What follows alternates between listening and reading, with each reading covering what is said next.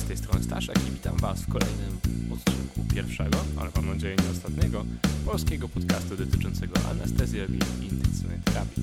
W dzisiejszym odcinku chciałbym zająć się wytycznymi, które w marcu tego roku, czyli 2020, opublikowało niemieckie Towarzystwo Anestezjologii i Intensywnej Terapii, czyli DGAI. Są to wytyczne, które dotyczą tematu, który interesuje mnie wybitnie, e, czyli znieczulenia i analgezji w położnictwie. To był jeden z pierwszych cyklów, którymi w ogóle zająłem się w Anestezji Podcaście i tworzyłem go już prawie 2,5 roku temu. Zobaczmy więc, co w nowych wytycznych jest dla mnie nowe albo ciekawe, albo po prostu warte podkreślenia. Zanim zaczniemy, chciałbym Wam tylko przypomnieć, że prezentowane tutaj informacje mają status obowiązujących w Niemczech, a nie w Polsce. I są to wytyczne klasy S1, to znaczy, które oparte są głównie na zgodnej opinii ekspertów, która jednak wynika zwykle z takich albo innych badań. Bibliografia tych wytycznych liczy 279 pozycji.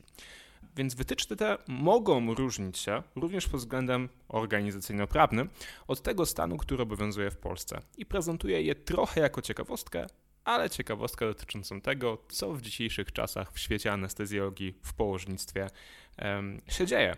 Więc zachęcam Was do tego, żebyście posłuchali. I teraz tak, pamiętajcie o tym, że to jest odcinek, który jest swego rodzaju nakładką na te odcinki, które prezentowałem w cyklu 2,5 roku temu. W związku z tym, jeśli chcesz skorzystać z tego odcinka, tak naprawdę dobrze by było, żebyś miała albo miał tą wiedzę, którą już przedstawiałem wtedy. Są to odcinki 5, 9, 10, 11 i 12 oraz 45, czyli znieczulenie porodu naturalnego, znieczulenie cięcia cesarskiego, cesarka w znieczuleniu ogólnym, powikłania położnicze i popunkcyjne bóle głowy. Także jeśli jeszcze nie mieliście okazji spotkać się z tymi odcinkami, w których mówię o podstawowych informacjach związanych ze znieczuleniem w położnictwie, to zachęcam Was do tego, żebyście się do nich odnieśli, być może nawet zanim wsłuchacie się w to, co dzisiaj mam do powiedzenia. Więc zaczniemy od pierwszego rozdziału. Rozdział pierwszy analgezja porodu naturalnego. Więc informacje, które zaskoczyły mnie tutaj, albo które zmieniły się trochę w stosunku do tego, co miało miejsce wcześniej, we wcześniejszych wytycznych, to po pierwsze sposób informowania pacjentki uzyskiwania świadomej zgody na znieczulenie. Każdy, kto kiedyś miał okazję oglądać kobietę, która rodzi swoje dziecko w sposób naturalny, wie, że uzyskanie świadomej zgody i przetwarzanie przez nią informacji, które w danym momencie do niej mówicie, jest utrudnione. Dlatego najnowsze wytyczne niemieckie mówią o tym, że tak naprawdę świadomą zgodę na znieczulenie e, zewnątrz-oponowe do porodu powinno się uzyskiwać już na etapie prowadzenia ciąży przez lekarza położnika i że taką zgodę może właśnie pozyskać położnik, który jest dostatecznie dobrze zorientowany w naszych anestezjologicznych procedurach. Jeśli jednak taka zgoda nie została pozyskana, to nadal w czasie trwającej akcji porodowej, jeśli uznamy, że kobieta jest w stanie zrozumieć to, co do niej mówimy, może podpisać zgodę, a jeśli nie, to możemy postępować zgodnie z domniemaną wolą pacjentki, czyli w tym wypadku prawdopodobnie również wykonać znieczulenie. Ale no tak jak e, jak mówiłem przed chwilą, generalnie z prawnego punktu widzenia wygląda tak, że najlepiej byłoby uzyskiwać to jeszcze na etapie opieki nad ciężarną w czasie ciąży. Jeśli chodzi o krzepnięcie, to e, tutaj największy nacisk położony jest nowych wytycznych na wywiad. Jeśli wywiad w kierunku zaburzeń krzepnięcia jest nieobciążony, to, wy, to znieczulenie podpajęczynówkowe czy zewnątrzoponowe możemy wykonać bez żadnych badań laboratoryjnych. Jeśli chodzi o monitorowanie pacjentki, właściwie się nad tym nie zastanawiałem wcale, ponieważ w szpitalach, w których pracowałem, KTG było robione przez cały czas zakładania e, znieczulenia zewnątrzoponowego, w sensie było po prostu założone na pacjentkę przez cały ten czas ale okazuje się, że to nie wszędzie był standard. I teraz te wytyczne mówią już o tym, że KTG musi być robione przed i po, a najlepiej również w trakcie zakładania znieczulenia zewnątrzoponowego. Jeśli chodzi o taką w miarę nową technikę, która zdobywa popularność na świecie, a której muszę Wam powiedzieć, jeszcze sam nie miałem okazji przećwiczyć, to jest tak zwany e, dural puncture epidural, czyli um, znieczulenie zewnątrzoponowe z celowym nakłuciem czy przekłuciem opony twardej. Mówimy o tym, że ta punkcja w momencie, kiedy e, dzieje się w sposób niezamierzony, zwiększa na przykład ryzyko bólów głowy, ale okazuje się, że jeśli weźmiemy igłę 25G albo 26G, celowo nakłujemy tą igłą do znieczulenia e, podpajęczynówkowego oponę twardą, a następnie założymy znieczulenie zewnątrzoponowe, to pacjentka, której tą oponę twardą przekuliśmy, być może będzie miała szybszą dyfuzję leku do przestrzeni podpajęczynówkowej, gdzie te leki realnie działają i dzięki temu będzie e, następowało szybsze zniesienie bólu i będzie ona wymagała mniej leków. Także jest to technika, która jest dość ciekawa, która zdobyła popularność na świecie, natomiast ja sam jeszcze jej nie sprawdziłem. Jeśli chodzi o dawki testowe, nie wiem jak jesteście nauczeni, czy w znieczuleniu zewnątrzoponowym podajecie dawki testowe, czy nie. E, to, że nie podaje się w dawkach testowych adrenaliny e, jest już e, chyba w większości wytycznych od dłuższego czasu, ale wiele wytycznych nadal mówi o tym, żeby podawać jakieś dawki testowe, na przykład jakieś tam, nie wiem, niewielką objętość lidokainy, po to, żeby wykluczyć podanie donaczyniowe albo zwłaszcza podpajęczynówkowe. W obecnej chwili dawka testowa jest niezalecana. Autorzy wytycznych kierują się tym, że w momencie, kiedy mamy taką e, pacjentkę, u której nawet mielibyśmy wewnątrz e, naczyniowe położenie cewnika zewnątrzoponowego, przy stężeniach leków, których używamy do znieczulenia zewnątrzoponowego, większym problemem będzie to, że ta blokada nie chwyci tak, jakbyśmy chcieli, niż to, że będziemy mieli objawy toksyczności tego leku. Więc zanim te objawy toksyczności się rozwiną, to będziemy mogli stwierdzić, że blokada jest niesymetryczna albo nieodpowiednio działa i będziemy i tak korygowali położenie tego cewnika. Czy tak jest, czy nie, trudno powiedzieć. Tak czy inaczej, dawka testowa w różnych badaniach nie zwiększała bezpieczeństwa prowadzenia znieczulenia zewnątrzoponowego. Natomiast jeśli mamy taką sytuację, że pacjentka ma założony cewnik zewnątrzoponowy, a my będziemy musieli zrobić jej cesarskie cięcie i nie jesteśmy na 100% pewni, że ten cewnik zewnątrzoponowy leży tam, gdzie chcielibyśmy, żeby leżał, wtedy jeśli mamy wystarczająco dużo czasu, możemy podać dawkę testową i wtedy podajemy na przykład 1 mg na kilogram lidokainy albo mieszankę 0,75% ropiwakainy z sufentanylem. Tutaj użycie sufentanylu jest oczywiście off-label i wymaga osobnej informacji dla pacjentki. Natomiast taką mieszankę też można podawać w na przykład 3 ml polusach po to, żeby zaczęło się już rozwijać to znieczulenie, które będziemy chcieli mieć jako znieczulenie chirurgiczne przy cesarskim cięciu. Następne pytanie, które postawili sobie autorzy wytycznych to to, czy lepsze są większe objętościowo bolusy środka miejscowo znieczulającego, czy wlew ciągły, który podawany jest przez cewnik zewnątrzoponowy. Otóż okazuje się, że zdecydowanie lepsze są większe objętościowo bolusy, niezależnie od tego, czy są podawane przez personel medyczny, czy przez samą pacjentkę metodą PCA, czyli Patient Control Analgesia. Niezależnie od tego, która z tych dwóch metod jest proponowana pacjentce, pacjentka zużyje mniej środka miejscowo znieczulającego, więc też mniej opioidu, który jest standardowo dodawany do tego środka i będzie miała prawdopodobnie lepszą kontrolę bólu. Wiąże się to prawdopodobnie z tym, że do wstrzyknięć bolusa używamy większego ciśnienia niż do wstrzyknięć, niż do wlewu ciągłego leku. W związku z tym mamy większą dystrybucję tego leku, po prostu spowodowaną ciśnieniem i takim, e, takim efektem dyszy, który powstaje na końcu cewnika zewnątrzoponowego.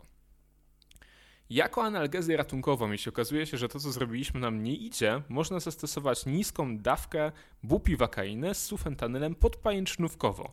I możemy to znieczulenie podpajęcznówkowe nisko dawkowaną bupivakainą, niska dawka, czyli od 1 do 2,5 mg z sufentanylem od 1,5 do 5 mikrogramów, możemy zastosować ją nawet przy zaawansowanej akcji porodowej. Taka dawka nie powinna spowodować tego, że pacjentka będzie miała że pacjentka będzie miała jakiś deficyt ruchowy.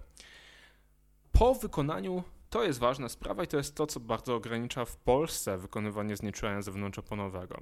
E, po wykonaniu znieczulenia podpajęczynówkowego albo zewnątrzoponowego anestezjolog powinien bowiem obserwować pacjentkę w Niemczech minimum 30 minut, czyli przez ten czas, kiedy teoretycznie może dojść do jakiejś powiedzmy ostrej reakcji na to znieczulenie, które zostało podane. A następnie przekazuje się opiekę nad pacjentką położnej, która jest odpowiednio przeszkolona do opieki nad pacjentką, wie co może się wydarzyć i w jakich konkretnych sytuacjach musiałaby wezwać anestezjologa odpowiedzialnego w mm, tym dniu za położnictwo. W przypadku braku możliwości wykonania znieczulenia regionalnego u pacjentki, która będzie rodziła w sposób naturalny, można zastosować PCA z remifentanylem. I ten remifentanyl ze wszystkich opioidów do akcji porodowej, do znieczulenia akcji porodowej nadaje się ponoć najlepiej. Wtedy bierzemy strzykawkę z remifentanylem, 1 mg rozcieńczamy do 50 ml i także mamy 20 mikrogramów w mililitrze. Jako podstawowy bolus pacjentce ustawiamy 1 ml dożylnie, bez dawki podstawowej, background infusion, czyli bez tej infuzji w tle. I od tego jednego zaczynamy. Jeśli okazałoby się, że pacjentka potrzebuje 2 ml albo więcej, albo więcej niż 2,5 zwłaszcza, to prawdopodobnie następuje jakiś problem położniczy, którym trzeba by się było zaopiekować. Tak silnego bólu nie powinno ona mieć. Także to też jest opcja, fajny, krótko działający lek remifentanyl można podawać dożylnie do znieczulenia powodu, porodu naturalnego w ramach Patient Control Analgesia. Rozdział drugi. Znieczulenie cięcia cesarskiego. I tu muszę wam się zwierzyć, że nie robiłam tego tak, jak jest napisane w wytycznych. W wytycznych jest napisane, że do znieczulenia podpajęczynówkowego zalecana dawka bupiwakainy to jest maksymalnie 10 mg w towarzystwie jakiegoś opioidu i że korzystne jest korzystanie z bupiwakainy hiperbarycznej. Mój obecny szef i standardy w moim szpitalu mają e, taki schemat, który nazywa się um, High Volume Low Concentration i generalnie polega na tym, że w 10 ml strzykawce mamy 10 mg, przepraszam, bupiwakainy i 10 mikrogramów sufentanylu. Na 1 ml przypada 1 mg bupiwakainy i 1 mikrogram sufentanylu. I pacjentce dajemy według wzrostu. Pacjentka, która ma na przykład 1,60 m dostanie od nas 6 ml tego roztworu, 1,77 m ml, 1,88 ml, czyli dajemy zawsze mniej niż 10 mg bupiwakainy i zawsze mniej niż 10 mikrogramów sufentanylu, ale dajemy je powiedzmy w tej dużej objętości, poza tym ta bupiwakaina jest izobaryczna, a nie hiperbaryczna jak w wytycznych. Mi nie do końca podoba się ten sposób, którym w tej chwili znieczulam, natomiast muszę przyznać, że jest bardzo skuteczny, jeśli chodzi o działanie, o wyłączanie bólu tych ciężarnych. Wiąże się też jednak z relatywnie częstą, dość wysoką blokadą i świądem oraz nudnościami wymiotami. Także coś za coś. Natomiast e, wytyczne w tej chwili mówią o tym, że 10 mg to największa dawka e, bupiwakainy, której powinniśmy używać po to, żeby uniknąć hipotensji. Oczywiście to jest dawka, która jest przewidziana w towarzystwie opioidu, czyli z jakąś tam morfiną albo sufentanylem podawanym do przestrzeni podpajęcznówkowej po to, żeby, mm, żeby zasięg tej blokady i też e, gęstość przeciwbólowa tej blokady były adekwatne. W znieczuleniu cięcia cesarskiego możliwe jest wykonanie e, kombinowanego znieczulenia podpajęczynówkowego i zewnątrzoponowego, ale nie wiąże się to ani z mniejszą częstością e, hipotonii, ani z mniejszą częstością powikłań niż samo znieczulenie podpajęczynówkowe. Jeśli chodzi o antybiotyk, tutaj też często pojawiają się dyskusje między położnikami a anestezjologami na temat tego, kiedy najlepiej go podać. Okazuje się, że wytyczne 2020 mówią o tym, że podać go bez wyjątku przed cięciem e, przed nacięciem skóry, że jest to związane z najmniejszą ilością powikłań u matki, a w żadnych badaniach jak dotąd nie wykazano negatywnego wpływu e, podawanego leku, czyli no najczęściej chyba cefuroksymu, na płód. Takie rozkminy polegały na tym, że jeśli przed zaciśnięciem pępowiny podamy ten cefuroksem, jeśli on przejdzie przez łożysko, dostanie się do płodu, a płód jest uczulony cefuroksem, no to mamy problem. Natomiast okazuje się, że częstość takiego cyklu wydarzeń jest pomijalna i tak naprawdę problemy, które mogą być spowodowane tym za późnym podaniem antybiotyku są większe niż potencjalne korzyści, które można by uzyskać z tej, z tej zmniejszonej częstości występowania tych już wyjątkowo rzadkich reakcji alergicznych. Jeśli chodzi o preloading płynami, to nowe wytyczne 2020 mówią o tym, że w preloadingu powinniśmy używać przede wszystkim koloidów i możemy użyć ich dalej również w coloadingu. Natomiast jeśli nie zdążyliśmy zrobić preloadingu przed rozpoczęciem znieczulenia podpajęczynówkowego, to prawdopodobnie i tak to nie ma większego wpływu, bo i tak w większości przypadków będziemy musieli użyć wazopresorów, więc nie należy opóźniać znieczulenia tylko te, z tego powodu, że oczekujemy na to, żeby zrobić ten preloading. Jeśli jeszcze nie są przetoczone, to podać jako coloading i lecieć dalej. Jeśli chodzi o e, awareness i o mm, anestetyki wziewne, to jest też zresztą dyskusja, którą, którą dzisiaj prowadziłem z Anią. Pozdrawiam Aniu. E, Anestetyki wziewne, jak pamiętacie, farma, farmakodynamicznie powodują zwiotczenie macicy, czyli rozluźnienie mięśnia macicy. To jest oczywiście rzecz, która położnikom niespecjalnie się podoba, bo może zwiększyć krwawienia śródoperacyjne, utratę krwi, no i też no, doprowadzić do powikłań, konieczności przetaczania krwi itd., tak itd. Tak Natomiast u ciężarnych, jak wiadomo, jest bardzo częste to, że występuje u nich e, że występuje u nich awareness w porównaniu do pozostałych e, grup pacjentów. Może to mieć kilka przyczyn. Pierwsza przyczyna jest taka, że mm, w wielu krajach cały czas e, domyślnie podaje się przy, przy cięciu cesarskim tiopental zamiast propofolu i jest to praktycznie jedyne wskazanie do tiopentalu, w związku z czym młodsi anestezjolodzy, w tym również nie ukrywam ja, mają problemy, ponieważ nie są przyzwyczajeni do dawkowania tego leku, więc często go nie dodawkowują, w sensie dają zbyt małą dawkę tiopentalu. Natomiast drugim problemem jest to, że po, po tym podaniu tiopentalu, po podaniu sukcynolocholiny, po intubacji rozpoczyna się od razu operacja i ci lekarze nie podają um, gazu anestetycznego, właśnie po to, żeby zapobiegać temu rozluźnianiu masicy. Wytyczne w tej chwili sugerują, żeby zrobić to tak. Po pierwsze, weź propofol zamiast tiopentalu. Owszem, być może ryzyko, że spadnie ciśnienie jest większe, ale tak naprawdę ciśnienie i tak ci prawdopodobnie spadnie i będziesz musiał jakimiś katecholaminami je podnosić.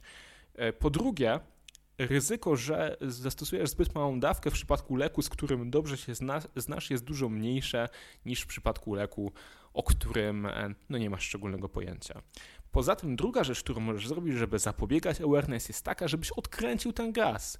Odkręć go, zrób MAC 1.0, niech ta pacjentka sobie dośpi do tego momentu, kiedy będziesz mógł e, podać inne leki i kiedy pępowina będzie zaklemowana, kiedy e, nie będzie już nas interesował łożyskowy transfer leków, podajesz wtedy fentanyl, czy sufentanyl, czy cokolwiek tam podajesz jako opioid i jako drugi lek możesz podać też midazolam i wtedy, kiedy mm, to już Ciebie nie interesuje aż tak temat awareness, MAC możesz zmniejszyć do 0,7, 0,6 to jest już jakby stężenie gazu anestetycznego, który nie powinien specjalnie interagować z kurczliwością macicy i wtedy można to znieczulenie doprowadzić do końca. Czyli nie bać się leków e, anestetycznych, nie, dać nie bać się gazów anestetycznych e, i dawkować je w sposób, który zapobiegnie awareness jako powikłaniu, którego absolutnie dla matki tego małego dzieciaczka nie chcemy.